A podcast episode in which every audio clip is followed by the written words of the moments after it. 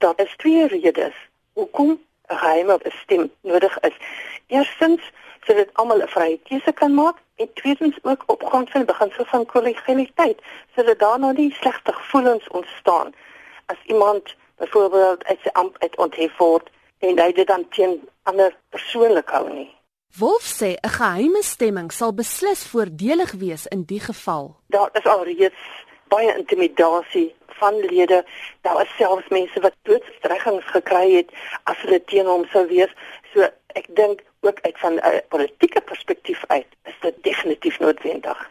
Volgens Wolf maak die grondwet dit nie duidelik wat presies in die geval van 'n mosie van wantroue moet gebeur nie. Die grondwet sê dit nie ekspressies verbus soos ons in die regswêreld sien nie, duidelik uitgespel nie, maar dit is implisiet. En dit kan 'n mens sien daar daar's drie argumente wat 'n mens kan aanvoer wat dit implisiet duidelik maak of selfs deels eksplisiet duidelik maak uit die grondwet uit.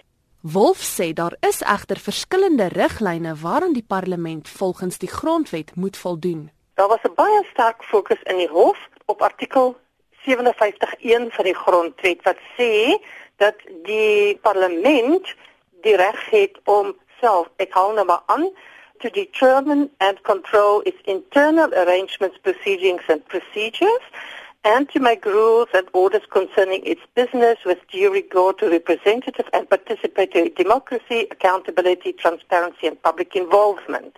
Dit is die een riglyn. Die volgende riglyn is en daar is relatief min aandag geskenk aan hierdie riglyn. Dit is vervat in artikel 53 van die grondwet. Daar het bepaling sê dat except where the constitution provides otherwise A majority of the members of the National Assembly must be present before a vote may be taken on a bill or an amendment bill. Dis die eerste geval. Tweede, at least a third of the members must be present before a vote may be taken on any other question before the Assembly.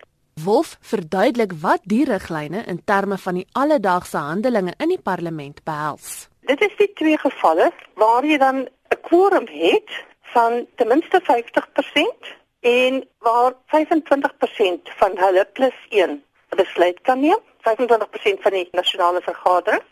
Of die tweede geval is waar 'n derde van die lede aanwesig moet wees om 'n quorum te vorm, dan kan 15% plus, plus 1 van die vergadering 'n besluit neem. Maar hoe gemaak met die instel van 'n mosie van wantroue? Wolf verduidelik. Dit is 'n heeltemal 'n ander situasie in terme van artikel 103 van die grondwet die mosie van wantroue. Daar word vereis dat 'n meerderheid van al die lede van die parlement, met ander woorde 50 plus 1, 'n besluit moet neem om die president te verwyder uit sy ampt uit met 'n mosie van wantroue. In artikel 89 van die grondwet vereis self 'n 2/3 meerderheid van al die lede. So dit is die sogenaamde exception to the rule. Dit was Luami Wolf, 'n grondwetregspesialis verbonde aan die Democracy for Peace in Duitsland. Ek is Dianke Nel vir SAK nuus.